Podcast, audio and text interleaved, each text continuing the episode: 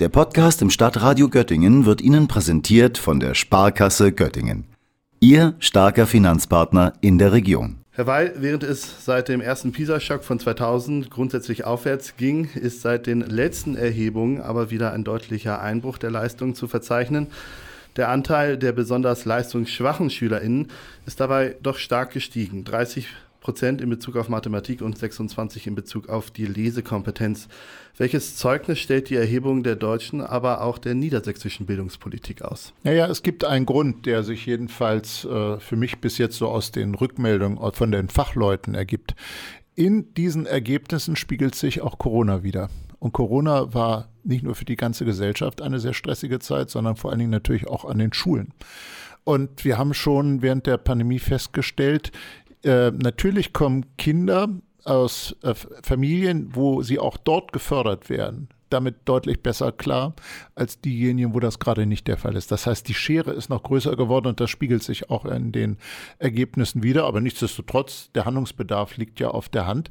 Und da ist ganz interessant, äh, mir begegnen immer wieder erstaunte Gesichter, wenn ich sage, wir hatten noch nie so viele Lehrerinnen und Lehrer, die am Start waren, noch nie so viele Stunden von Lehrkräften, die gegeben werden. Warum funktioniert es trotzdem nicht?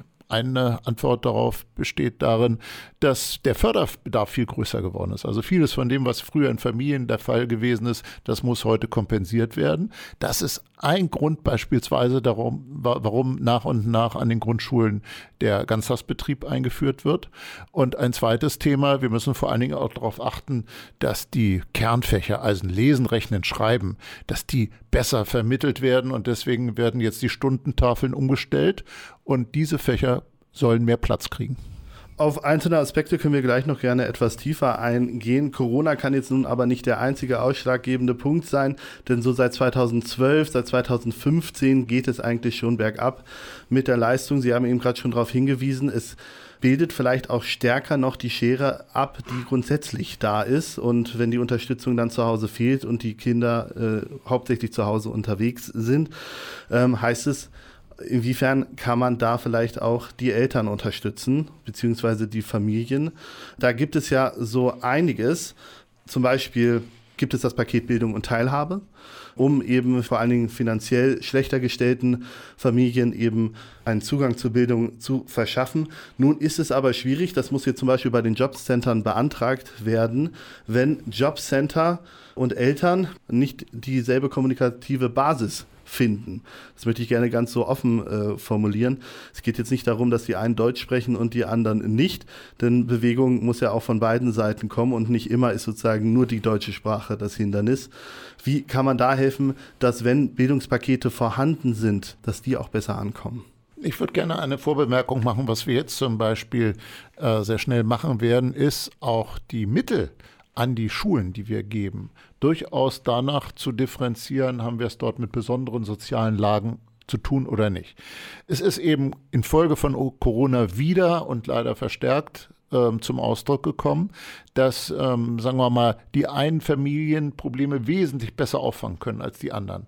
Darunter sollen aber möglichst wenig die Kinder leiden und deswegen müssen sie eine bessere Betreuung haben an anderen Schulen. Da möchte ich einmal ganz kurz eingreifen, welche Familien gelingt es? Können wir jetzt beim Namen nennen, welchen Familien gelingt es besser als den anderen? Naja, das sind typischerweise Bilder, äh, Familien, äh, die selber bildungsnäher sind, schon durch die eigenen Bildungsabschlüsse und äh, wo insgesamt das Thema Bildung eine wesentliche höhere Rolle spielt.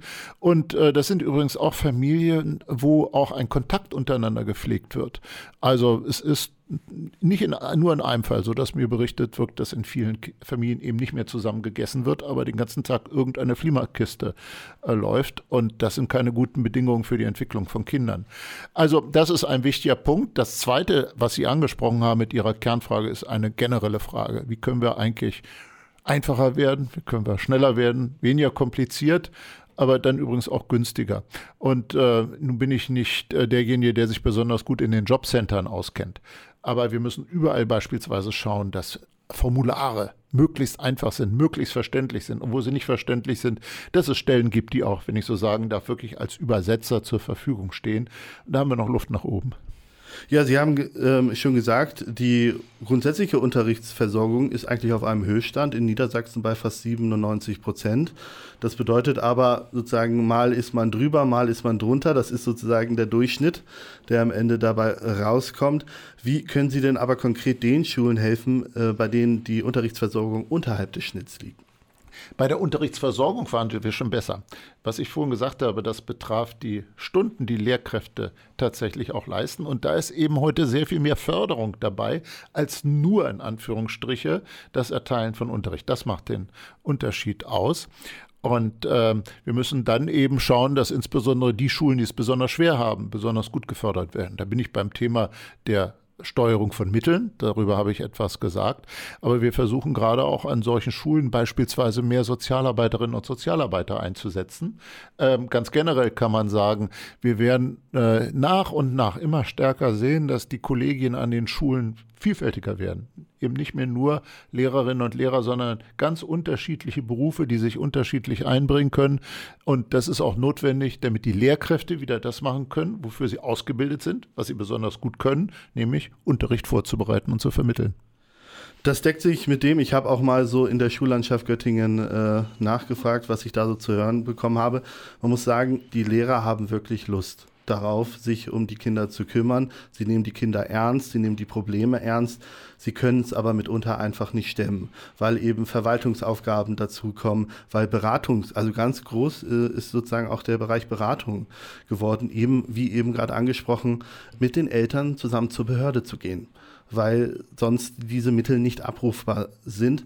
Und da kam zum Beispiel die Idee auf, auch so Schnittstellen äh, zu etablieren an den Schulen. Was halten Sie denn davon? Also ähm, Kräfte, die nur dafür da sind, um Behörden und Schulen miteinander zu verzahnen, noch stärker auch eben bei besonderen Beratungsmöglichkeiten, denn der Bedarf dafür ist da. Ich habe das so noch nicht gehört, aber es passt insoweit ins Bild, weil wenn wir zum Beispiel an Sozialarbeit an Schulen denken, dann ist das ja etwas, was sehr, sehr vielfältig ist.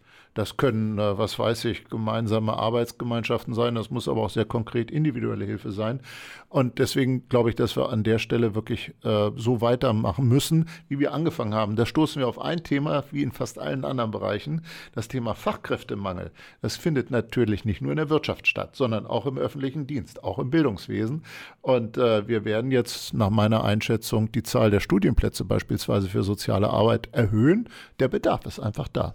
Das ist ja nicht äh, der einzige Weg, mit dem Sie sozusagen dem Fachkräftemangel entgegengehen möchten. Rot-Grün hat sich in den Koalitionsvertrag geschrieben, die Lärmsausbildung zu verändern, äh, weg von der Spezialausbildung hin zum Stufenlehramt. Ab wann soll diese Ausbildung denn darauf umgestellt werden und was versprechen Sie sich davon? Das ist echt ein kompliziertes Thema, das habe ich schon gelernt. Das ist nicht mit einem Fingerschnips getan. Ähm, deswegen kann ich noch nicht ganz genau sagen, zum Schuljahr so und so ist das an den Schulen spürbar, aber der dahinterliegende Gedanke, der ist und bleibt richtig. Wir müssen nämlich auch äh, innerhalb der unterschiedlichen Schulen flexibler sein. Wir müssen dafür sorgen, dass diejenigen, die beispielsweise für Gymnasialunterricht ausgebildet sind, genauso gut und äh, sich genauso sicher fühlen, wenn sie dann Unterricht an Hauptschulen geben müssen. Und deswegen wird es eher in Richtung einer solchen Stufenausbildung gehen. Ähm, da wird intensiv dran gearbeitet und ich hoffe, dass wir in absehbarer Zeit sagen können, das sind unsere Vorstellungen, so wollen wir es machen.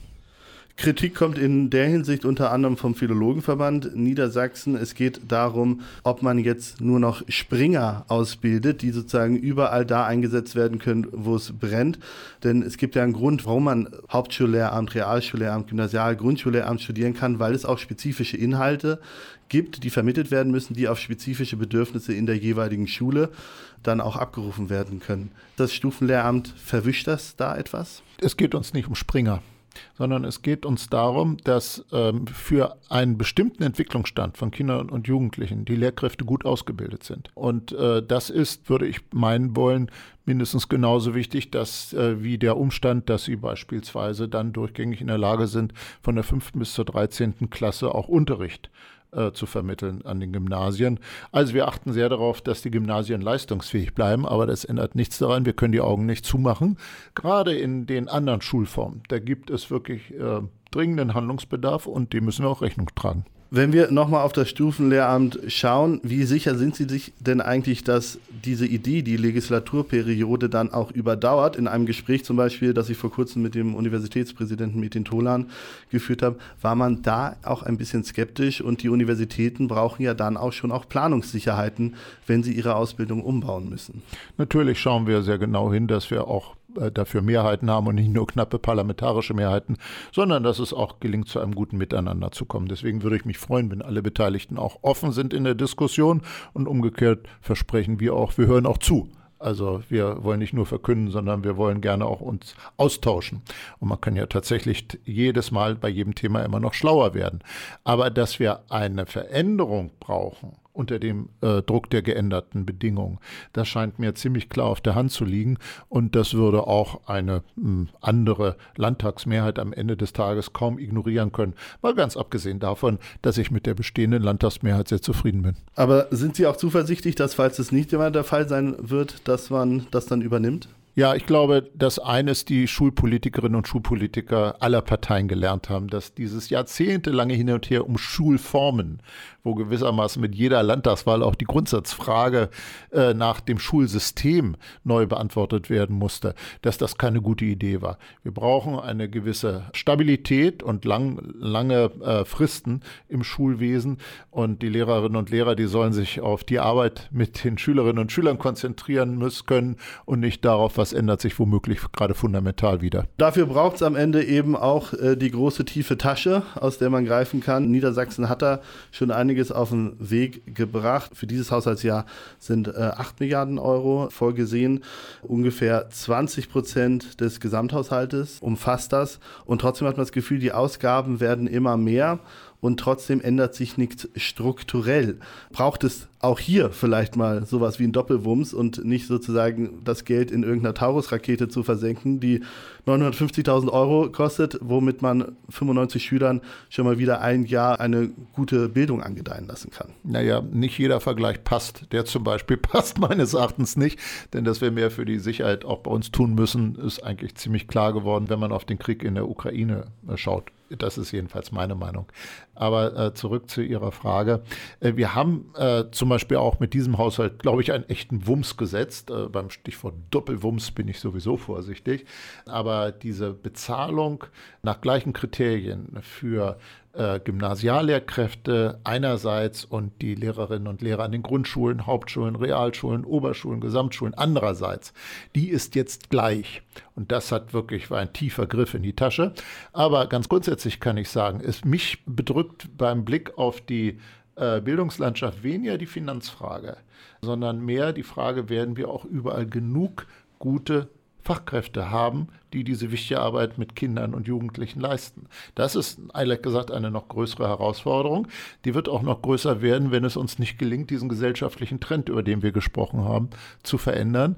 Also dann werden die Aufgaben des Staates tatsächlich immer größer werden, denn es gibt praktisch keine andere Möglichkeit, Entwicklungsdefizite zu kompensieren, die in den Familien nicht verhindert werden konnten. Ähm, deswegen noch einmal zum Beispiel dieses große Vorhaben Rechtsanspruch auf eine Ganztagsbetreuung in Niedersachsen Niedersachsen. Das ist noch einmal etwas wirklich, was ein dickes Brett ist, was wir da bohren müssen. Aber wir wissen auch, um was es geht. Nicht im Kern am Ende um die Zukunft unserer Gesellschaft. Denn das kann sich am Ende auch wieder in Zahlen niederstecken. Menschen ohne Bildungsabschluss, äh, bis zu 20 Prozent Arbeitslosenquote mit äh, abgeschlossener Berufsausbildung ähm, ist es äh, im ein, kleinen einstelligen Bereich. Der Bereich Bildung lohnt es sich nicht dort wirklich hohe und tiefe Schulden aufzunehmen, weil man es noch und nöcher zurückbezahlt bekommt? Also es lohnt sich, einen handlungsfähigen Staat zu haben, das unbedingt. Ähm, wir müssten nämlich gerade im Thema Bildung immer nicht mit so einzelnen Investitionen rechnen, sondern vor allen Dingen mit laufenden Ausgaben, die wir viele, viele Jahre lang haben werden. Und äh, dafür bin ich in der Tat, äh, was die Prioritäten innerhalb des Landes Niedersachsen angeht, sind die klar. Also es liegt, äh, es gibt keine, keine Themen, wo wir sagen, ja, das gehen wir nicht an, weil wir es nicht bezahlen können, sondern wir sagen sehr deutlich, das hat für uns Priorität und das Beispiel A13, also das Thema der Besoldung für Lehrerinnen und Lehrer, das ist finde ich, ein ganz guter Beweis dafür. Grundsätzlich zum Abschluss, wie bewerten Sie so die Kommunikation? Ähm, haben Sie das Gefühl, dass Sie ganz gut Bescheid wissen, was in den einzelnen Schulen vorgeht? Und wenn ja, wo könnte die dann vielleicht noch äh, verbessert werden, wenn das nicht der Fall ist? jede Schule ist anders, aber ich bin seit vielen Jahren regelmäßig an Schulen zu Besuch. Äh, nicht nur, weil es mich interessiert, es macht übrigens auch Spaß. Und ähm, ich habe zum Beispiel in Erinnerung die Berichte von vielen Schulen äh, in und nach der Corona-Zeit, dass die größere, dass die größeren Freiräume, pädagogischen Freiräume, die sie hatten, sehr sinnvoll waren. Daran wollen wir jetzt übrigens wieder anknüpfen und es wird mehr Freiräume für die Schulen geben. Also ich glaube, dass ich so alles in allem ganz gut auf Ballhöhe bin, aber gleichzeitig jede Schule ist anders und damit gibt es auch immer wieder neue Themen, äh, die ich vorher noch nicht kannte und mit denen ich mich dann auch wirklich intensiv befasse.